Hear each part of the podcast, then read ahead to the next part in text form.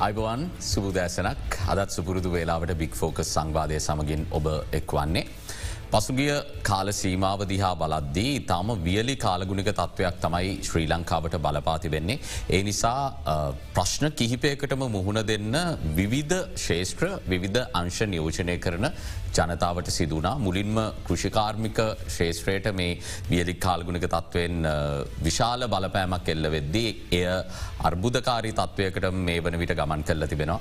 විශේෂෙන්ම අපේක්ෂිත අස්වැන්නෙන් බොහෝ ප්‍රතිශතයක් සැලක යුතු ප්‍රමාණයක ප්‍රතිශතයක් අහිමි වෙන්නටත් මේ වන විට මේ වියලි කාලගුණේ බලපාලතිමෙන. ඒ වගේම එයට තවත් බලපාපු කළමනා කරන ප්‍රශ්න ගැටලු ගණනාවක් එකට හේතු වුණා.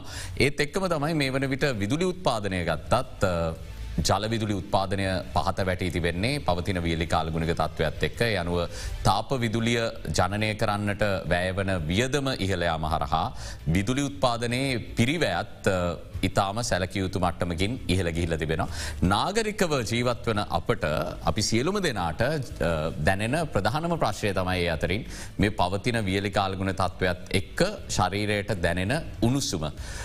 පාරිතොටේ ගමන් කිරීම ඉතාම අපහසු වෙලා තිබෙනවා මද්දහනේ ගමනක් ගිහිල්ලාවට පස්සේ බොහෝ දෙනෙක් පැමිණිලි කරන්නේ මේ පවතින දැඩි අවුරශ්මිය සම්බන්ධයෙන්. විද්‍යාත්මකව මේ සම්බන්ධයෙන් පැහැදිලි කරගන්නට අද අපි බික් ෆෝකස් සංවාදය වෙන් කරන්නේ මේ පවතින තත්වයට හේතු මොනවාද තව කොපමන කාලයක් මේ තත්වය බලපායිද ඒවගේම සෞඛ්‍ය ගැටලුවක් බවට මේ තත්වය පත් නොවෙන්නට නම් අපි පුරවැසියන් විදියට මොනවගේ කරුණු කාරණ සම්බන්ධයෙන්ද අවධානය යොමු කරන්න ඕනේ. මේ ගැන කතා කරන්න ඉතාම සුදුසු පාර්ශව දෙකට ඇරයුම් කළේ අද සංවාදයට.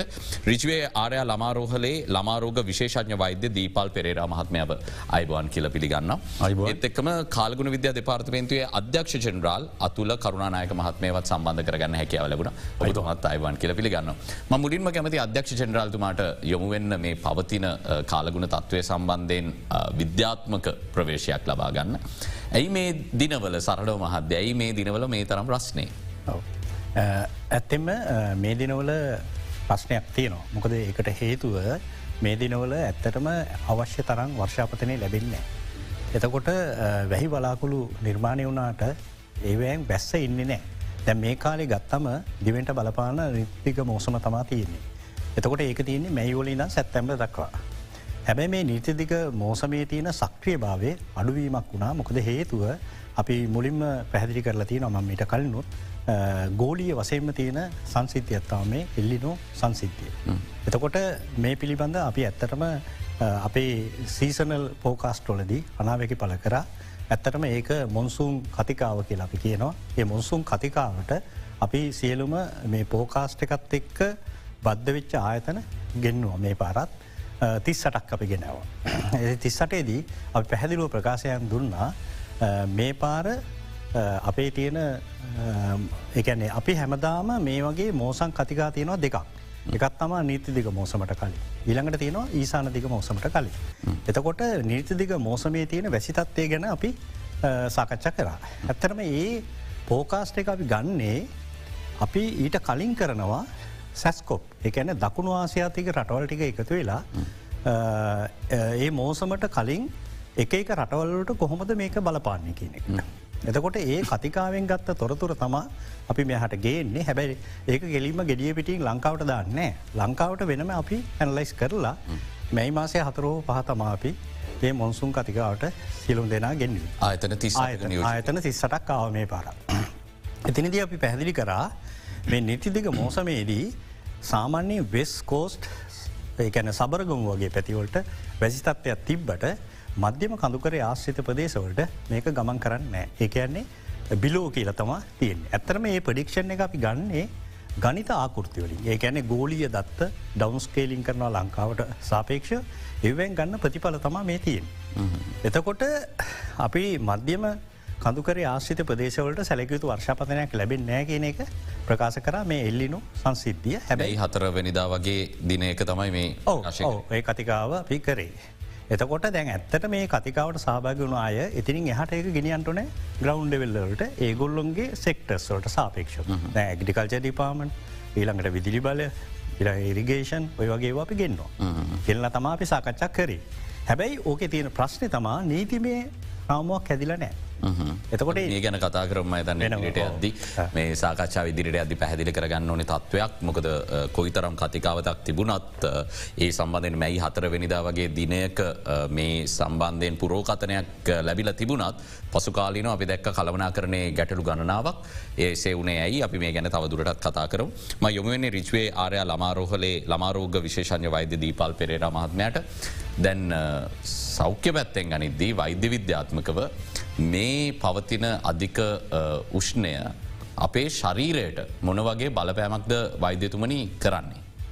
ඔඇත්තටම රස්නය වැඩිවෙන්න වැඩිවෙන්න අපේ ශරීරයෙන් ජලය සහ ලවන කියන දෙකම අ, වැඩිපුර එලියට දානවා. ඉති මොකද ඇඟ සීතල කරගන්න අපේ අ, උෂ්ණත්ව යාමනය කරන්න තමයි ඒක සාමාන්‍ය අ, පුද්ගලෙක් මනුෂ්‍යයක වෙන දෙයක් රස්නය පරිසර උෂ්ණත්වය වැඩිවෙනකොට වැඩිපුර දාඩිය දාලා අපේ සරි රුෂ්ණත්වය අපි ආමනය කරගෙනත් පවත්ත ගන්න ති. වැඩිපුර දාඩිය දැමීම නිසා ජලය සහ ලවන කියන දෙකම අපේ ශරීරයෙන් අ, පිටතට යනවා. අ, ජලය එලියට යාම නිසා විජලන තත්ත්වයත් ලවන එලියට යාම නිසා අ, වෙනත් ආබාධත් ඇතිවෙන්න පුළන්. විජලනය නිසාමත් එන ආබාධ තියෙනවා. අ, ලවන විශේෂෙන්ම සෝඩියම් අ, ලවනය අපේ ශරීරයෙන් පිටතට ගියාම අ, එන අතුර ආබාධත් තියනවා මහිතනවා අය වෙනුවෙන් අපි කතා කරමු. අ, විශේෂයෙන්ම මේ විජනයවීම නිසා තමයි අ, බොහෝවිට මේ වගේ කාලවලදී එක එක රෝග ලක්ෂණ වලින් අ, විශේෂම් දරුවෝ එක එක රෝග ලක්ෂණ වලින් අ, වෛද්‍යවරුතය නෝ. ඉතිං පාසල් යන දරු සෙල්ලං කරන දරු ක්‍රීඩා කරන ක්‍රීඩා කරන දරුවෝ පාරය වැඩ කරන අය. ඊට අමතරව දැ මේ අගෝස්තු කියන්නේ අපේ දරුවෝ සරුංගල් යවන කාලයක්. ඉති වැඩි දෙනෙක් පාසල් නිවාඩු කාලේ විනෝද ගමන් යන සරුංගල් යවන ඉති වැඩි දෙනෙක් එලියන්නේ දැන් පරිසරෂ්නත්ව වැඩියනොත් එක්කම මේ සියලුම දෙනාට වෙනදට වැඩිය අපහස්ථාවයන් දැනෙනවා. ඉතිං කතාකරොත් දැන් වෙනද ඩොක්ට කෙනෙක් ගාවට එනවා අ, හිස්සරදය කියලා අ, සමරක් කරට කෑමාරුච්චය නිදිමතය අ, ගතිය තියනව සමන කරන ඉන්දියන්න ඒවගේ තත්ව. දැන් එතකොට අපි හිතන වෙන වෙන රෝග. දැ මේ කාලෙදේ දැන් වෛද්‍යර විදිට අපි හිතන්න ඕන මේ අ, අපේ ශරීරයේ මේ ජලයසා ලවන එලියට යාමත් එක හේතුවක් නේද කළ එක පාටම ලොකු ලොකු දෙවල් හිතන්න නැතුව ද මූලික්කව අපිට අ, අපි දන්න දෙයක් ඇගේ රස්නව අපේ ගේ රස්නය යාමනය කරන්න එලියට මේ ජලය සහ ලවන පිටත්වීම තමයි සිදුවෙන් ඒක නිසා වෙන දේවල් ගැන අපි මුලින් හිතනෝ දැම මේ දස නිසා තමයි එක වලක්ක ගන්න පුළුවන් දෙයක්. දැන් අපිට අ, අපේ වැස්ස අපිට හදන්න බැරුණාට දැන් අපට වතුරටයක් වැඩපුර බිව්වොත් වතුර සහය ලවන තියන ද්‍රාවනයක් බිවොත් මංහිතන මේ වලක්ක ගන්න පුළුවන්. අපි තවදුරටත් කතා කරුම් එක. හොදයි මං නැවතත් අධ්‍යක්ෂ ජනරල්තුමාට යොමුවෙද්දී අ, පැහැදිලි කරගන්න ඕනේ තත්ත්වයක් තමයි මේ වාර්තාාවෙන උෂ්ණත්වයට වඩා අ, ඇඟට දැනෙන උෂ්ණත්වය වැඩි කියලා කියවෙනවා දැන් අදගත්තර පස්සේ වෞනියාවෙන් සෙල්සිය සංශක ති සතක උෂ්ණත්වයක් වාර්තාාවෙනවා කිය ඔබතුමාලගේ වාර්තාව තියෙන හම්බන්තුට පොළොන්නරුව මඩ කලපු හා පුත්තලම දිස්ත්‍රික්කවලින් සෙල්සිය සංශක තිහයිදශම හතරක පවන උෂ්ණත්වයක් තියෙනවා කිය. නමුත් ඇයි මේ වාර්තාාවෙන උෂ්ණත්වයට වඩා වැඩි උෂ්ණත්වයක් ඇඟට දැනෙන්නේට විද්‍යාත්මක හේතුමකක්ත. මහිතන ඩොක්ට දීපාල ප්‍රකාශ කරා මේ ඇඟ ඇතුළ ගැන. තොට අපිට එයින් බහිරව සිදුවෙන සංසිද්ධියත්තම මේ තියන්නේ. එතකොට දැන් මම මුලින්ම කිව විදිහට වැහි වලාකුළු නිර්ම- නිර්මාණය වනාට හැබැයි එවැන් වැස්ස ඉන්න. එකනේ කලව්ඩොලින් පිටලා. හැබැයි සමහරක් කලාට වායගෝලය ගත්තම මොයිශ්්‍ය වැඩි. එතකොට දැන් අපි මේ ඇගට දැනෙන උස්නත්තය කියනක ඩිෆයින් කරලා තියෙන්නේ මිටලෝජිකල් පැත්තෙන් සාමාන්‍යයෙන් අපි එයා ටෙම්ප්‍රේච එකයි ඊට අමතරව අපි ගන්නවා මේක මේ රිල්ටව හිම්බිල්ටි කියන එක ඒකැන වායිගෝල ඇති ජලවාස් ප්‍රමාණය. එතකොට ඒ දෙකේ ඩෙපිනිෂන් එකක් ඇතුවලත තමා අපි මේක ප්‍රකාශයක් දෙන්න. එතකොට වායිගෝලේ ජලවාස්ප වැඩි වුණත් ඇත්තට මේක වැස්සට තියෙන සම්භාවිතාව වැඩි. හැබැයි ප්‍රශ්න තියෙන්නේ වහින්නෑ. ඒක නිසා අපේ වායිගෝලය තුළ මේ දවස්සල ගත්තම මේ තත්ත්වේ තියෙනවා. තොර මේ තත්ත්වේ තියෙන හින්ද ඩොක්ට කිවවගේ දැන් අර ඇගෙන් දාන දාඩිය හෝ ලවන යන්ඩ තියෙන ප්‍රශ්නයක් තින එතකොට අධික උණුසුමක් ඇඟට දැනෙනවා. එතකොට ඒ අධික උණුසුම දැනෙන එක තමා අපි කියන්නේ ඇඟට දැනෙන උස්නත්තය කියලහටන් කියන්නේ. අද- අදයි අපි මනින උස්නත්තය ඕක නෙවෙයි. ඔව. හරි එතකොට ඇඟට දැනෙන උණුසුම් කාලගුණික තත්වය දැ සාමාන්‍යයෙන් ඔය උණුසුම් කාලගුණික තත්වයක් කියන එක ඉස්සර කාල ඉන්න ගොවි මහත්තුරු කියනවා සාමාන්‍ය ගෙම්බෝ කෑගහනකට වැස්ස ළඟයි. එතකොට ඒ වගේ ඒ ගෙම්බර් කෑගහන්නේ ඇයි ගෙම්මට ඉන්න බෑ. එතකොට කඩි ගුල්ලොලට යනවා. එතකොට ඒකෙත් ප්‍රකාශය දෙන්නේ වායිගෝලයේ ජලවාස්පතිය නවා වැඩියෙන් කියලක. එතකොට ඒ තත්ත්ය උඩ තමා ඇඟට දැනෙන උස්නත්වය වැඩි වෙන්න. එතකොට මේ ඇඟට දැනෙන උස්නත්වය මිනිසුන්ට දැනෙන ක්‍රමවේදය ගත්තොත් එක පුද්ගලන්ට සාපේක්ෂ වෙනවා මොකද හේතු දැන් ඩොක්ට කියනවගේ ඇතන ගොඩාත් දුරලායගේ අර කියන මන්දන්න ඒ පැත්ත ගැන මන්දන්නෑ නමුත් ඒ දේවල් වෙනකොට එයාට තියෙන ඉෆෙක්් එක වෙනස්. තරුණ ජවය තියෙන හයට වෙනස්. තොට ඇඟ වැඩිය මහන්සේකරොත් එතනෙති වෙනස්. ඒ පැත්තමං සාකච්ච කරන්න නමුත් ඇඟට දැනෙන උස්නත්යයි එයා ටෙම්ප්‍රේච එක ගත්තම දෙක දෙකක් කියන එක කියන්න වෙන. අධ්‍යක්ෂේන්රල්තුමට මන්දන්න මේ ප්‍රශ්යට පිළිතුර දෙන්න පුළුවන්ද කියලා. නමුත් දැ සීයට අපිකත සෙල්සි සංශක තිස් හතක උෂ්ණත්වයක් වාර්තා වෙද්දී මේ පවතින ගණනය කිරීම්බලට අනුව ඇඟට මොන තරම් උෂ්ණත්වයක් දැනෙනවා වෙන්නට පුළුවන්ද? ඒ ඒම කියන්න හැකියාවක් තියෙනවා. අපි එතන ඒගැන ඒගැන අපිට දරාගණ්ඩ බැරි අවස්ථා එන ටෙම්පරේච ඒ අයිටේරයක අපි හදලා තියෙනවා. එතකොට දැන් තිස් සත කියන එකත් අපිට අපහසුයි. අපහසු වනාට දරා ගැනීම හැකැව තියෙන එතකොට අපි නිවේදන කල්ගුණ විද්‍යා දෙපාත්මේන්තු හර ලබදී මේ වෙදි ලංකාව කිසිම ප්‍රදේශයක වැනි දරාගන්නට නොහැකි උණුසුමක් පිළිබඳ වාර්තාවක් ගැන දරාගන්න ගැන ඉති මැරෙනෝන එවැනි තත්වල් උද වෙලා නෑ. හැබැයි ඉන්දිය ආරන්ති ගුණුසුමක් නෑ. ඉන්දියාව වගේ රටවල්ල මේ තත්ව වෙනස්සෙන මොකද හේතු ඉන්දියාව වගේ රටවල්ල අධික උෂ්නත්වයක් සමගම අපි ඒකට කියෙන හිට වින්ස් ඒකැන හුළ ගවමනවා. එතකට ඒවට පිච්චෙනවා. ඒ වගේ තත්වල් තියෙනවා. ඉතින් ඒවා තත්වයක් උණුසුම් වාදාහර කියලා අපි හ ඒ වගේ තත්ත්වයක් තාම උදා වෙලා නෑ. හොඳයි වෛදතුමනි මුලින්ම පැහැදිලි කරගන්න ඕනේ දැන් ජනතාව බලංගින්න මේ උණුසුම ඇඟට දැනෙද්දි. අපි මොනවද කරන්න ඕනේ අපි තවදුරටත් මේ රෝගාබාධ ගැන විද්‍යාත්මක පැහදිලි කරගන්න කලින් මං විශ්වාස කරන ඒ උපදේශ දීලා හිටියොත් වටිනවා කියලා. මේ දිනවල පාරට බහින කෙනෙක් පාසල් යන කෙනෙක් දෙමවපියන් මේ සියලුම දෙෙන මොනවගේ මේ තත්වයට මුහුණ දෙන්න සූදානම් වෙන්න ඕනේ.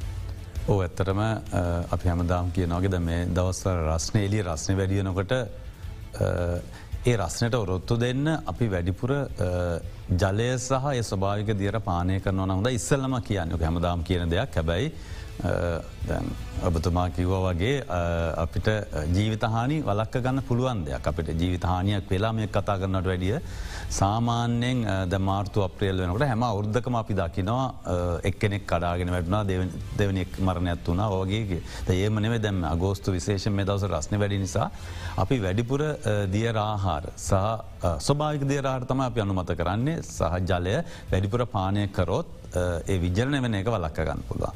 ඉතිං දැ මෙතන්දි අපි කියන්න කෘත්‍රීම දියරාහර පැණිබීම වගේ වනෙමේ දේවා අපානය කරන්න පටන්ගත්තොත් බෝ නොවන රෝගෝල වැඩීම අපවස්සරත් දකි. තේ ශක්ති ජනක පානය එය කොහෙත්ම අපි අනුමත කරන්නේ නෑ. අපි අනුමත කරන්නේ ජලය සහ ස්වභාවික දියරාර විශේෂයෙන්ම කුරුම්බ තැමිලි වතුර දෙහි දොඩන් ආරන්දෙරුම් කැඳ ටිකක් හදලා පිට සුප්ටිකක් හදල ඒ වැඩිපුර වෙනදට වැඩිය වැඩිපුර පානය කරන්න පුළුවන්නම් අපිට පුළුවන් මේක වලක්ව ගන්න මුලින්ම එක තමයි කියන්නේ. ඒක එක දෙයක්. දෙවනුව දැන් රස්නය වැඩි කාලෙදී අපි හැමෝම වැඩිපුර වතුරෙන් ආසයි. පුළුවන්නන් දරුවන්ම බොහෝ විට දෙමවපිය බයයි දරුවන්ම නාවන්න. දැන් උදේට දවල්ට හවසට දවසර දෙසරයක් නෑවට කිසිම ප්‍රශ්නයක් නෑ. විනාඩි විස්ස විස්සේ දරුවන්ට වතුර සෙල්ලං කරන්න ඉඩකට ලබා දෙන්න. විශේෂයෙන්ම දැන් තියෙන වතුර ප්‍රමාණය හරි දරුවන්ට නාන්න සෙල්ලං කරන්න ඉටකට ලබා දෙනවන හොඳයි. ජලය තුළ ඉන්න පුළුවන්නන් යම් කිසි දියකට හමේ රෝගඩු කරගන්න පුලන් රස්නෙත් අඩු කරගන්න පීනුම් තටාකයක පීනුම් තටාගේ හරි වැෑවක හරිදි වතුර තියෙනවා නයිද අතර ගෙදර ඒ වතුරෙන් දරුවක බේසමකාරි තියන්න පුළුවන්. පුංචි දරුවෙක්ක දැන් පලවෙනි මාසාහයේ වුනත් බයවෙන්න එපා. බේසමක දරුවට විනාඩි විස්ස විස්ස වතුර ඉන්න දුන්නොත් මේ රස්නය දැනනවා අඩුයි සහ හමේ රෝග හැදෙනවා අඩුයි. බොනෝ වගේම වතුර බොනෝ වගේම ඒ වතුර ඉන්න දෙන එක මහිතන් ඉස්සල්ලම් වැදගත් අපි පසුව මහිතන් රෝග ලක්ෂණ කතා කර. වෛතුමන ඒත් එක්කම තව කාරණයක් අහන්න වෙන මේ වායු සමීකරන සහ විදුලි පංකා වැඩි වශයෙන් භාවිත වෙන මේ දිනවල මුත් දත්තවලිනුත් පේන විදුලි උත්පාදනය අවශ්‍යතාවයක් තියල ගිහිල තියෙන මේ දිනවල. තැන වායු සමීකරණයක ඒ පරිසරයක ඉඳලා. අපි නිරාවරණය වෙනවා දැඩි අවුරශ්මියකට. ඒ අවස්ථාවම යළිත් අපියනවා නැවතත් මේ වායු සමීකරණය කරපු පරිශ්‍රයක් තුළට. මේ අපේ හැසිරීම යම්කිසි ආකාරයක සෞඛ්‍ය ගැටලුවකට හේතුවෙන්න පුළුවන්ද. සමහරයට සම දැන් අපේ අපේ සරිරුෂ්නතය සාමාන්‍යයෙන් සෙන්ටගෙට තිස් සතයි දැ ඔබ සඳහන් කර සමහර ප්‍රදේශවල එලිය උෂ්නත්යක් සෙන්ටගෙට තිස් සතයි ගත එක වගේ ඉතින් අපි දැන් ඒසිකරු වායු සමනය කරපු කාමරයක අපි ගමු සෙන්ටගෙට විසි හතරේදල විසි හත විසිටන අපි දාගෙන ඉන්න වෙන්න පුලන් එක පාට එලියට ගහම යම් කිසි රස්නයක් දැනවා වැඩි ප්‍රදාඩි දාන්න පෝසරයක් වෙනවා. ඉති හැබැයි සාමාන්‍ය පුද්ගලයෙක්ට මේක යාමනය කරගන්න පුලන් උෂ්නත්ය අපේ සරි රුෂ්නත්ය යාමන කරගන්න පුළුවන් සීතල තැනට ගියත් රස්න තරයට ගියත්. බැති ඕනෑවට වැඩිය එක පාට්ටම සීතල රස්න වෙනස් වුනොත් සමාරලට අපාස්තුවා දෙන්න පුළ විශේෂයෙන්ම දරුවන්ට. රෝගී තත්වයන් තියනයට මන්ද පෝෂණ වගේ තත්වයන් තියනයට ෆැට්ලේකෙම අපේ අඩුනං සමරලට ඒගොලන්ට සීතල එක පාට ඔරොත්තු දෙන්න ඇතියෙන පුළන් සමහරයට එක පාට සීතලට හම ස්වස්සන ප්‍රශ්න ඇතියනවා සමහරයට ළමා හතිය වගේ ඇදෙන දේවල් තියනවා. තිකද මේ දසර තියෙන එක ප්‍රශ්නයක් තමයි දැන් ළමා හතියත් වැඩියලා තියනවා. එලිය රස්න නිසායි දූවිලි වැඩවීම නිසා. අරය වගේ රෝග කීපයක්කට යොමුවෙන්න පුළුවන්. හැබැයි සාමාන්‍ය පුද්ගලයෙක්ට යාමනය වෙනවා. අපිට සීතල තැනකින් රස්න තැනරගයා රස්න තැනකින් සීතර තැනටගට අපේ සරිරෝෂ්නත්වය අප යාමනය කරගෙන යනවා. හැබැයි දුරල අයට රෝග තියන අයගත්තු දරුවන්ට හර්දයාබාධයක් වගේ බෝනවන රෝග තත්ව තියෙනයට මේ අවධානමක් තියෙනවද මේ හැසිරීම තුළ. උදේ වැනි ප්‍රශ්න මතුවයන අපිට දැම්න්නේ වෛද්‍යතුපන්න එක කතා කරද්දී. රෝග දැකතම හර්ද රෝග තිබුණට එහෙම වෙන්න හේතුවක් නෑ යාගේ උෂ්නත්ත යාමනය කරනවන. හැබැයි දැන් හරද රෝග තියෙන කෙනෙක්ට එක පාට දාඩිය දාන්න ගියොත්. ඒ පුද්ගලයාගේ සෝඩියම් ලෙවල්ල එක අඩුවන්න පුළුවන් සෝඩියම් ලෙවල්ල එක අඩුවීම නිසා අපි ගෙන ඇරිද්මියාස් හර්දවස්තුවේ වේගයන් වෙනස් වෙන්න පුළුවන්. ඒතන්දි තමයි සමාරක් කලාට හර්දයාබාධ ඇතිවෙන්න පුළුවන්. ෆිට්ක වලිපු වගේ තත්වයන් ඇතිවෙන් පුළ මොලට බලපෑම් ඇතිවෙන් පුළ හරදයට මොලට වගේ බලපෑම් ඇතිවෙන්න පුළුවන් එක පාට රස්න තතකට ගිය. ඉතින් අර දාඩි වැඩිපුර දැමීම නිසා. හැබැයි එහෙම මිසාක සාමාන්‍ය පුද්ගලයෙක්ටත් සාමාන්‍ය අපේ ඒ යාමන ඉන්ද්‍රියන් වැඩ කරන නිසා සාමාන්‍යෙන් ඔරොත්තු දෙන කලාතුරෙන් කෙනෙට ප්‍රශ්න ඇතිවෙන්න පුළුවන්. ඒකම තමයි දැන් කලාතුරෙන් කෙනෙක් වතුර බොන්න ඇතු දුවන්න ගියොත් හර්දයාබාධයක් යන්න පුළුවන්. තිකර මංකිව ඇරිත්මියස් කල කියන හාටරේට් එක හරදය හරදය වේගය වෙනස් වෙන්න පුළුවන්. එක පාටර්ද වේගේ වැඩිවෙන්න පුළුවන්. ඒ වගේ කනෙක්ට දාඩිය දැමීම නිසා සෝඩිය මඩුවීම නිසා විජලන තත්ත්වයන් වගේම තාප කම්පන තත්වයන්ට යොමෙන් පුළන් හිට ස්ට්‍රෝක් කියල අපි කියනවා. ඒගොල්ලංව කඩාගෙන වැටෙන්න්න පුළුවන්. හාටෙට් එක වෙනස්වීම් සහ මොලේ වෙනස්වීම් ඇතිවීම නිසා. හරදවස්තු වෙනස්වීම ඇතිවෙන පුළන් සමලට ෆිට් එකත් ඇතිවෙන පුළ හැබැයි එහෙම කිව්වට වැඩි දෙනෙක්ට මේක යාමනය කරගන්න පුළුවන්. කලාතුරගෙන් සැලකිලිමත්වෙන් ඕන කවද කියලම ඇහුවොත් තොට එය වැදගත්වේවි. ඔව දරුවන්ට. දැන් දරුවන්ට මේ දවස්සල අපි වතුර බොන්න ඇතුව එලිය සෙල්ලංකරොත් ඒ දරුවන්ට උෂ්නත යාමනය කිරීම අපහස්තු ඇතියෙන් ඊට අමතර දැන්ර. ජලය එලියට ඉවතර යාම නිසා ඇතිවන විජන තත්වයන් වල එන එෆෙක්් ඒවයි බලපෑම ඇතිවෙන්න පුළුවන්. ඊට අමතර ගොඩාක් දාඩිය දැම්මොත් වතුර බොන්න ඇතුව ස්වභාවික දිර ආර්පානය කරන්න ඇතු දිගටම දුවන්න ගත්තොත් ඒලා වයින්ම කඩාගෙන වැටෙන්න්න පුළුවන් හි ස්ට්‍රෝක් කියන තත්වේ තාප කම්පන තත්වේ ද එතන්දී ගොඩාක් වැඩිපුර සෝඩියම්සා ජලය සරීරෙන් පිටත්වීම නිසා වන පල තමයි අපි දකින්නේ. තේ නිසා මහිතන් පුංචි දරුවෝ මන්ද පෝෂණ වගේ තත්වයන් තියෙන් දරු හරද අබාධ තියන් දරුවන්ට උනත් හරදයට ලේසින් බලපෑම ඇතිවෙන්න පුළුවන් වැඩිහිටයන්ට වැඩිය. තිං දුර්වල අය අපකිවගේ දැන් කන්න බොන්න බැරි අය ඒ වගේ අය හිටියෝත් පාරි වැඩ කර කර ඒගොලන්ට උනත් මේ තත්වයන් ඇතිවෙන පුළන් ලේසියෙන් විජලනය සහ තාප කම්පර තත්වයන්ට යන්න පුළ තව අපි දකින පිරිසක් තමයි ජලයපානය කරන්න ඇතුව ඒ මැරතන් තරග ක්‍රීඩා තරග සහ යුද්ධ හමුදා පුහුණුවීම් කරන පුද්ගල වනත් අපි දකිනව සමාරක් කලාවට කඩාගෙන වැටෙනවා. ඇති අර මතක් කරන්නුවන් පාර වැඩ කරන අය කුඹුරෝල් වැඩ කරන ගොවියෝ පාරේ ක්‍රියාකාර්ගම් කරනය ශේෂම යුද්ධ හමුදා නිලධාරනය අපි දකි අවුරුද්ධකට සැරයක් දෙසර මේ වගේ රෝගීන් වෙලා රෝහල් ගත වෙනවා. ඉනිද මේ වගේ රශ්න පටන් ගත්ත කමම්ම අපි දැනුවත් කරොත් මහිතනවා මේ පුද්ගලෝ ඒගොල ඇතිවෙන බාධක අපිට අවම කරගන්න පුළුවන් වේ. ද අතුල කරුණනායක මහත්මයා අනිත් ප්‍රශ්්‍ය තමයි දැම මේ වියලි කාලගුණක තත්වය කොපමන කල් තියේද? මොකද විදුලි උත්පාදනත් ලොක ප්‍රශ්යත්යන තියන අපි විදුලි බල මණ්ඩල ඇත්තෙක් කතාකරොත් වැසි නොවැටුනොත් මේ වියදම ඉහලයාමත් එක්ක තවදුරටත් රටේ අර්බුදකාරි තත්වය මතු වෙන්නත් පුළුවන්. පර්ශාපතන ඉතාම් වැදගත්. කොපමන කාලයක් මේ තත්ව තියේද. දැනට අපේ තියෙන්නේ මේ කාලය අරම මුලින්කිව වගේ නිතිදික මෝසම. එතකොට අතරින් පතර වර්ෂාපතන ලැබෙනවා නිතිදික් කොටසේ. හැබැයි මදලු වර්ෂාපතනයක්. හැබැයි විදිලි බලාගාර ආසිත ප්‍රදේශවලට අවශ්‍ය තරන් ජලය ලැබෙන්නේ. අනෙ පැත්ත කොහොමත් ඉතින් වීලි කාලගුණික තත්ව ඇතින මොකද හේතුව මේක නිරිදික මෝසමන. තකොට ඒසානදික මෝසන් වගේ තත්ව ඇති බොත්තම ඒ පැත්තට වැඩියෙන් වර්ෂාපතනයක් එන්නේ. ඉතින් අතරින් පතරවය ඒවිනින් තන්ට ශවස් ඒ වගේ එන්ඩ හැකියාවත් තියෙනවා. හැබැයි අපි දැනට අපි සාමානය සීසනල් පෝකාස්ට එකක් දෙනකොට ගන්න අර ගනිතාකෘතිවලින්. එතකොට ගනිතාකෘතිවලින් ගත්ත ප්‍රතිඵලය තුළ අපිට පේනවා ඔක්තෝම්බ නොයම්බ දෙසැම්බ දෙසැම්බ මැද දක්වා වර්ෂාපතනය වැඩිවීමක්. ඒකට හේතු කීපයක් තිනවා. එකත් තමා අපි පෙර වසරවල්ලොල එල්ලිනෝ වසරවල් එකත් අධ්‍යනය කර. එතකොට දෙදස් පහලෝ ගත්තොත්. එවැනි අවුරුද්ධක එල්ලිනෝ ඒ එකක් හැබැයි ඒ වෙලාවේ අපේ ලංකාවේ වර්ෂාපතනය වැඩිවීමත් තිබ ඊට පස අපි ගන්න ගෝලි ජැන්ලිසිස් එක තොට ගෝලිය ගත්තම මේ ඇන්ලිසිස් එකෙත් පෙන්න්නනවා ඔක්තොම්බ නොයම්බ දෙසැම්බ පැද දක්වාම ලංකාවට බලපාන වර්ෂාපතනය සාමාන්‍යයාගේට වඩා වැඩි බව පැහැදිලි වෙනවා. තින් ඒක අපි දැන් මේ වෙනකොට ප්‍රකාශය දීලා තියෙනවා. හැබැයි මේ තත්ත්වයටත් අමතරෝ තව දේවල් තියෙනවා. මොකක්ද ලංකාව ගත්තම අපි දන්නවා ඒක්වේට එක ආසන්‍ය තියෙන රටක්. එතකොට දැන් අපි දන්නවා දැන් ඔය ඔක්තොම්භ කියන මාසවල සූරිය ශක්තිය හොඳට ලැබෙනවා ඒකන්නේ ලංකාවට ඉහලතින් එතකොට ඒ වෙලාවේ හොඳට රත්වෙනවා. එතකොට මේ රත්වීම තුළ මොයිශ්‍ය වැඩි වැඩියෙන් වයිගොලට එකතු වෙලා වැස්සර තියෙන සම්භාවිතාව වැඩි වෙනවා කියන එක තම එකනුත් අදහස් කරන්න. එතකොට දැන් අපි එතනින් පස්සෙ තියෙන ප්‍රඩික්ෂන් එක් ගත්නම. දෙසැම්බ වල ඉදං දෙසැම්බ මැද ඉදං ඒකන දෙසැම්බ ඉදම් පෙබරවාරි දක්ක ගත්තම ඊසානදික මොස්මතිය.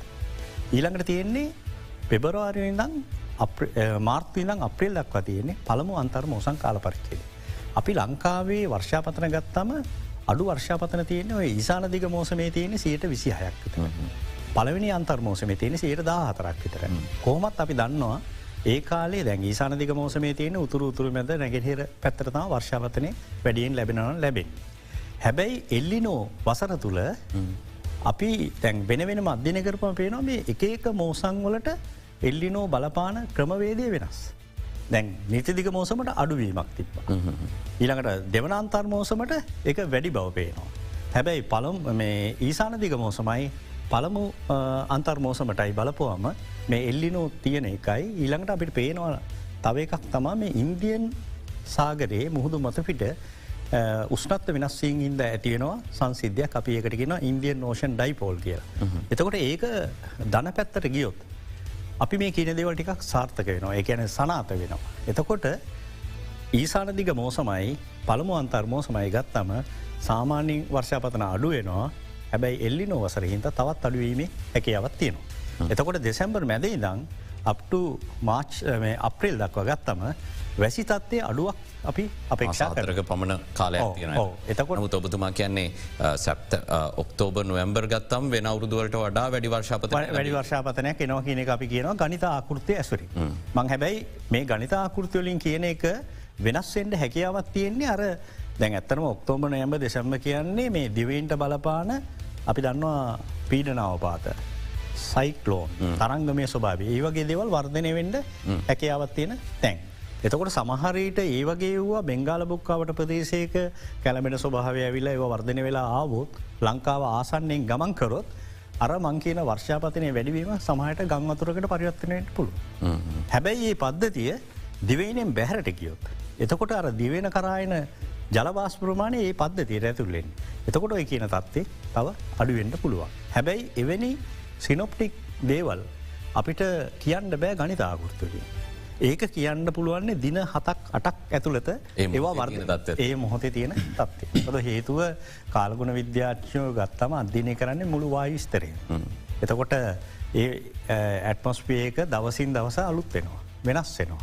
ඉතින් අපිට හැකි උපරිම අපේ ටෙක්නෝජී සහ අපේ දැනෝ භාවිතා කරලතම මේ වගේ ගනිත ආකෘතියකින් සෙල්ල දෙනවා පඩික්ෂන් එක ඊට පස්සේ අපි කරන්න අර සිනොප්ටික් වෙනස් වෙනේවා අපි ඒ හතක් වගේ නිරීක්ෂණය කරනවා. අනිවාරෙන් අපිට කියන්න පුළුවන් ඒ වගේ දේවල්වල වර්ධනය. එතකොට දැන් ඩොක්ට කීපුදේ තමා දැන් මේ දවස්වල අධික උණුසුමත් තියෙනවා. ඒ වගේම අපි දන්නවා පෙබරවාරි මාර්තුගත්තමත් ආයෙත් අධික උණුසුම් කාලගුණක තත්ත්වයක් එනවා ඒ කාලේ. ඉතින් ඔය කියන වෛද්‍ය පැත්තෙන් ඒ පැත්තට ඒ කාලෙත් ප්‍රශ්න ඇතිවෙන්ට හැකවත් හොද කෙටි විරාමයක් ලබා දෙන්න විරාමයෙන් අනතුරු අපි තවදුරටත් කතා කරන්න බලාපොරොත්වයන ඔබට ඉතාම වැදගත් උපදෙස් මාලාවක් සහ අවබෝධයක් ලැබෙනව මේ හරහා. වැැදී සිටින් අපි ඉක්මනින්ම බික් ෆෝගස් සමගේ අලිත් එක්ක.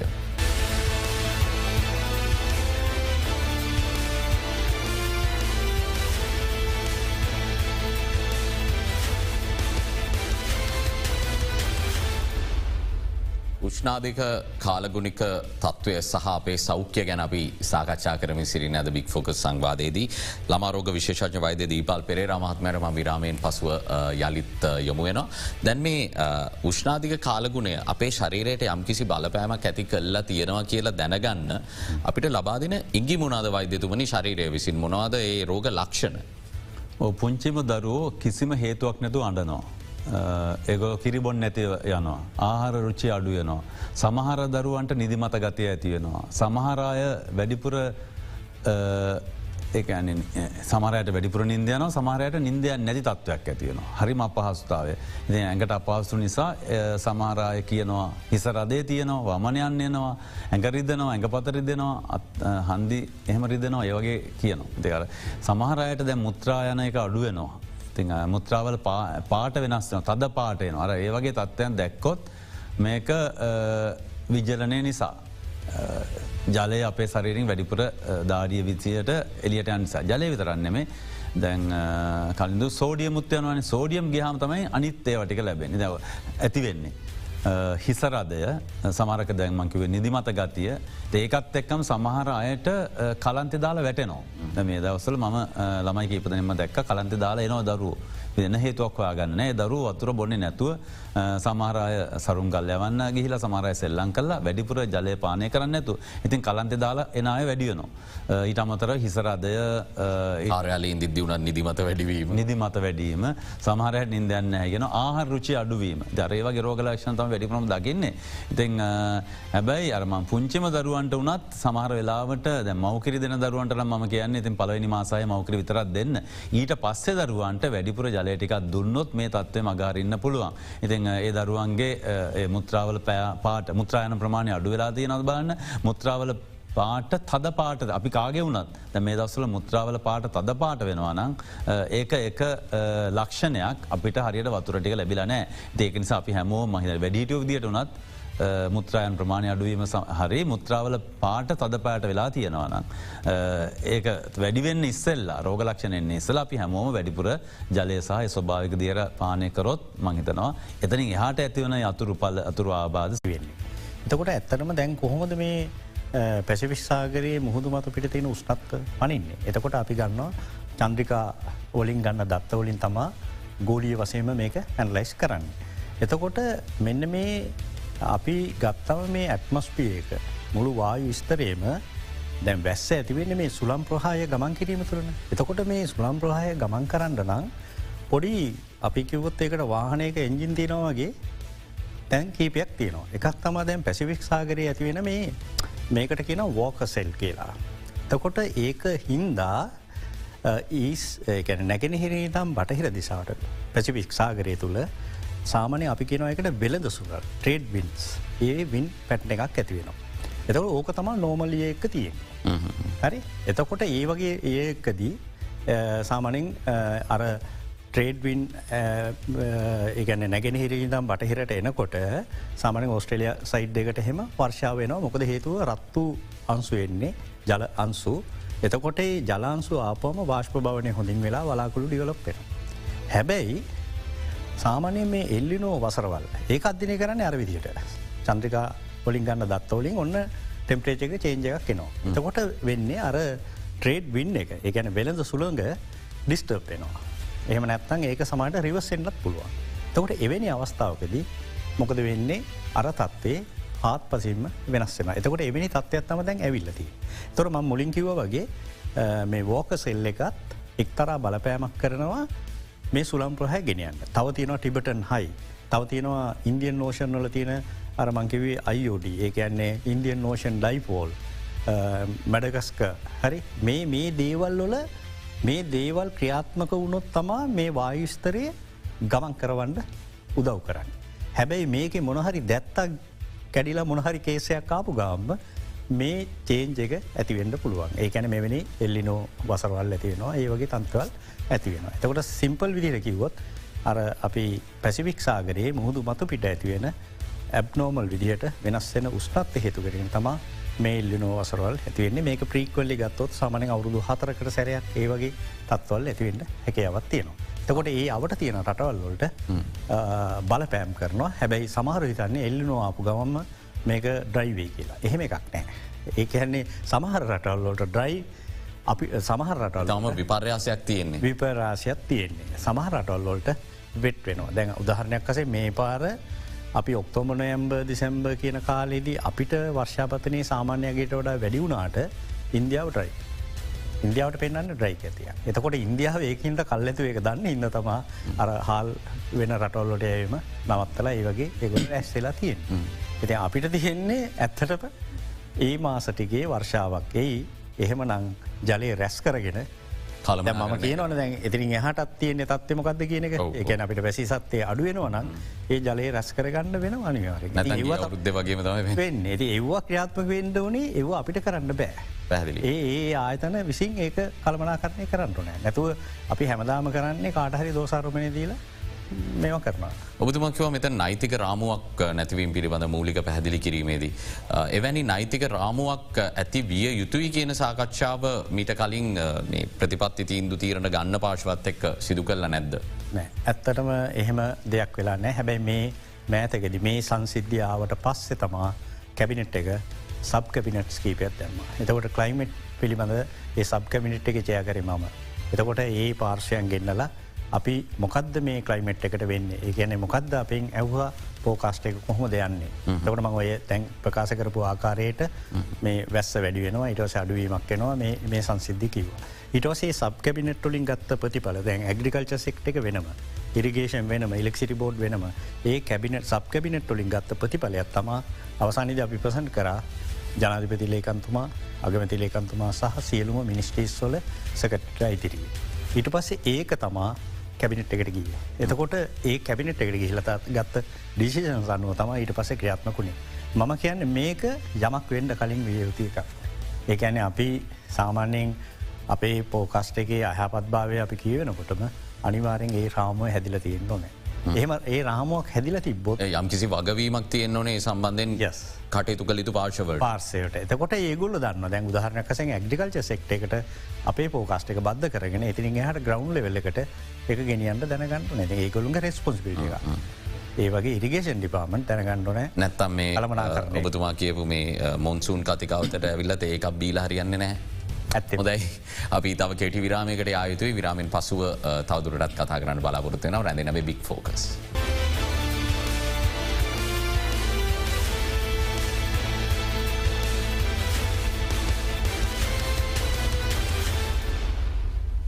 උෂ්නාධික කාලගුණය සහපේ සෞඛ්‍ය තත්වය පිළිබඳව සාකච්ඡා කරන්න ඇද බික් ෆෝකස් සංවාදයේදී ළමාරෝග විශේෂජ වෛද දීපල් පෙරේරස් සහ කාලගුණ විද්‍යා දෙපාර්තමේන්තු අධ්‍යක්ෂ චෙන්රාල් අතුල කරුණානායක මහතුරුන් අද සම්බන්ධ වෙන්නේ ඔබට උපදෙස් ලබාදන මේ තත්වය පිළිබඳව විද්‍යාත්මක පැහැදිලි කරන්න. වෛදතුමනි දැන් මේ දිනවල වතුර එක්රැස් කරන්න පෙළබෙනවා ජනතා වර්ෂාව අඩු නිසා අනිත් පැත්තෙන් ගත්තම අපි ඩෙංගු අවධානව ගැනත් කතා කරනවා මේ දෙකේ සම්බන්ධයක් තියෙන පුළුවන්ද. තියෙන ඇත්තරම අපි බොහෝ විට ඩෙංගු රෝගීන් දකින්නේ වර්ෂාපතනයකට පසුව ඩෙංගු මඳුරුව බෝවීම නිසා. හැබැයි පසුගේ කාලවලද අපි නිරීක්ෂණය කරපු දෙයක් තමයි දැ වතුර නැති ප්‍රදේශවල වතුර එක්රැස් කරන ඒ බූලිකෑන් වල ඩෙංගු මදුරුව බෝ වෙලා ද මේ වගේ කාලෙදිත් ඩෙංගු අපෝසරයක් හිස උසවන්න පුළුව මොකද අපිට වතුර අඩු නිසා අපි වතුර එකතු කරගන්නවා බූලිවල කෑන්වල විශේෂෙන්ම ඒ වතුර අඩු ප්‍රදේශවල. එති ඒ තැන්වල පවා මොද ඩෙංගු මදුරුවත් හරිම දක්ෂයි කෝමරි ඩෙංගු රෝගය පතුරුවන්න. ඇති අපි මිනිසා විදියට අපි මොලයක් තියෙන කෙනෙක් විදියට අපි බලන්න ඕනේ මදුරුව කොහොමද මදුරුව බෝවෙන්නේ අපි වතුර එකතු කරන තැන්වලේ මදුරුවට බෝවෙන්න ඉටකට තියන් එපා කිනක තමයි මං කියන්න. පහුගේ කාල අපි දැක්ක සමහර ප්‍රදේශවලද කිසිම හේතුව අපට මදුරුව බෝවෙන් තැන් හවාගන් බැරුණ පස්ස බලන්නකොට මේ වතුර එකතු කරන තැන් බූලි කෑන්වල තම මේ ඩෙංගු මදුරුව බෝවෙලා තිබුණගේ ප්‍රදේශවල කවදාවත් වාර්තා නොවිච්ච විදිකට ඩෙංගුරු ඩෙංගු. දැම වගේ වහි නැති කාලයවදදේ සමහර තැන්වල වාර්තා වුණා අම්බලංගොඩ ඒ ප්‍රදේශවල පවා මුහුදු කර ප්‍රදේශවල පවා ඉට පස්සේ වතුර නැති වතර ප්‍රදේශවල වියලි කලාපේ ප්‍රදේශවලත් ඒ වතුරු එකතු කරන තැන මදුරුව බෝවෙලා ඩෙංගු රෝගින් වාර්තාවන. හොයල බලන්නකොට මේ බූලි සාකෑන්වල ඒ මදුරුව බෝවෙලතන එනිසා ඒවත් වහලා මදුරුවටත් මේ වෙලාවේ ජයගන් ඉඩකට දෙන්න එපා මොකද රෝග හැදිලා අපිට රෝහල් ගත වෙන කන මේ අපි බුද්ධිමත්ව මේ රෝග අවම කර ගැනීම තම අප හැමෝගෙම යුතු කම්සා වගකීම වෙන්නේ මේ අවස්ථාවද. අතුල කරුණනායක මහත්මය දැන් ගෝලීව අපි සාකච්ඡා කරද්දී ගලෝබල් වෝමිං මේ ගෝලී උෂ්ණත්වය ඉහලයාම ලෝකයේ සියලුම රාජනහැකින් එකතු වෙලා වැඩි අවධානයක් දීලා සාකච්ඡා කරන මාතෘකාව. මුත් කොපමන සාකච්ඡා කරත් මේ නවත්තන්න ප්‍රායෝගිකව කොපමන දායකත්වයක් ලැබෙනවද කියන එක ප්‍රශ්නය විශේෂෙන්ම සංවර්ධිත ලෝකයේ රටවල්. මුත් වැඩිම පීඩා විදින්න මේ ආසියා කරේ රටවල් කියල්දම පෙනෙන්න්නට තියෙන්නේ. තැන් මේ ගලෝබල් වෝමිං මේ අපිට ඉතාම අඩු දායකත්වය තම මේ සඳහා ශ්‍රී ලංකා විදිට දෙන්න තියෙන විශාල රටවල්ලට තම වැඩි වගකීමත්ති. අපිට මේක කොහොමද බලපාන්නේ තව ඉදිරියට මේ ප්‍රවණතාවය ගියොත් අපේ වගේ රටවල්ලට මේ කලාපයට මේ කොපමන ප්‍රශ්නයක් බවට පත්වේ. ඇත්තටම මේ ගෝලිය උණුසුම වැඩිවීම තමා මේ හැමදේකටම තියෙන ප්‍රශ්න කාලගුණ විද්‍යාව තුළ.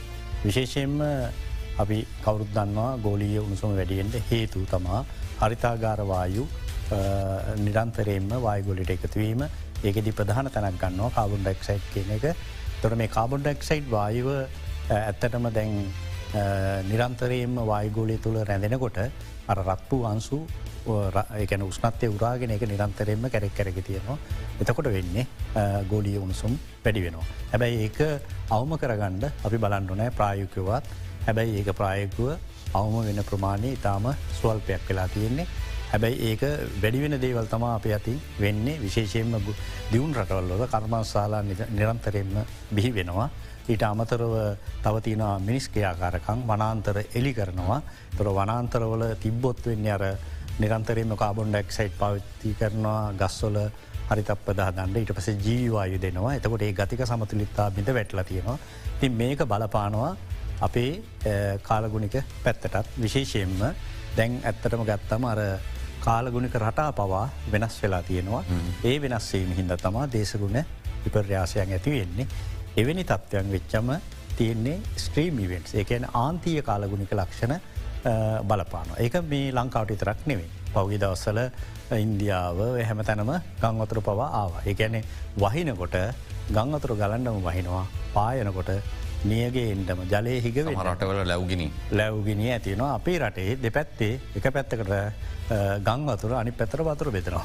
වෙනි තත්වල් තියනවා. ඇති මේ සියල්ලම සිද්ධ වෙලා තියෙන මේ කලයිමට් චේන්ජ එක්ක දෙක නිසා ලෝක නායකයන් විශේෂම අපේ ජනධපත්තුමත් ඒ ගැන හරි ඉන්ට්‍රස්ටිං දැනට එතුම බොහොම ප්‍රබල ප්‍රකාශ කර ගැන. ප්‍රබල ප්‍රකාශයක් කරලා තිනවා කලයිමට් චේන්ජ් යුනිසිටි පවා හදන්ඩ නිර්මාණය කරන්න යනවා. ඉතින් ඇත්තර මේ හොඳ දේවල් හැබැයි ක්ලයිමෙට් එකට ඒ ගැන්නේ වායි ගෝලයට අපි ඇත්තටම අපිරිසු දේවල් කන්ට්‍රිබියට් කරන ප්‍රමාණය අඩු ඇත්තටම.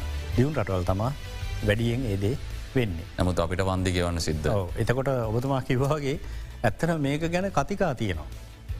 හැම තැනම කතිකාවන් යනවා හැම තැනම තියෙනවා හැබැයි තිබ්බට ප්‍රායෝගිකව ඒක බලපාන් ගන්නේ.